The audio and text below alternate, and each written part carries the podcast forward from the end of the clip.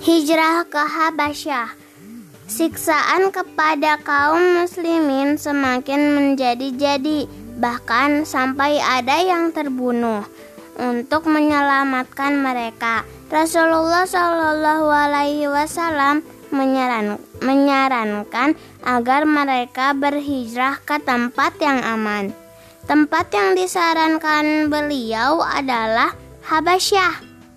Tempat itu diperintah Tempat itu diperintah seorang raja dan tidak ada orang yang dianja di dianiaya di situ. Itu bumi yang jujur. Pergilah ke sana sampai nanti Allah membukakan jalan untuk kita semua. Demikian sabda Rasul Shallallahu Alaihi Wasallam. Maka pergilah sebagian kaum muslimin ke tempat yang jauh itu demi mempertahankan iman mereka.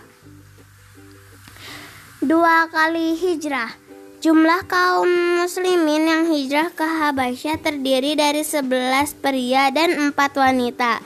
Raja Na Raja Najasi yang memerintah Habasyah adalah penguasa yang bijak. Ia menampung kaum muslimin dengan baik. Kemudian sampai berita palsu ke Habasyah yang mengabarkan bahwa siksaan orang musyrik telah berhenti. Maka mereka yang mereka yang di Habasyah pun kembali ke Mekah. Namun di sana mereka mendapati siksaan orang kafir malah jauh lebih keras dari yang sudah-sudah.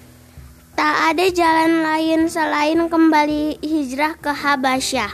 Kali ini rombongan yang ber, berangkat terdiri dari 80 pria tanpa wanita dan anak-anak. Dua utusan Quraisy. Orang musyrik di Makkah tidak tinggal diam. Mereka mengirim dua utusan yang ahli dalam berbicara.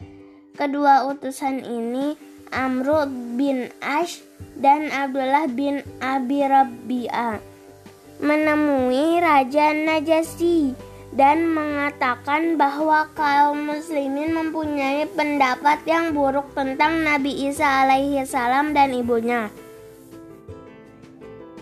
Maka Najasyi pun memanggil kaum muslimin serta meminta penjelasan. Juru bicara kaum muslimin, Jafar bin Abi Thalib maju dan menjelaskan tentang kebaikan Rasulullah Shallallahu Alaihi Wasallam. Kemudian ia membacakan surah surah Maryam yang menjelaskan bahwa Isa adalah seorang nabi dan bahwa Maryam ibu Isa adalah wanita suci. Maka sambil menetaskan air mata haru, Najasyi turun dan singgasananya singganasanya singgasana singgasananya dan membuat garis di lantai.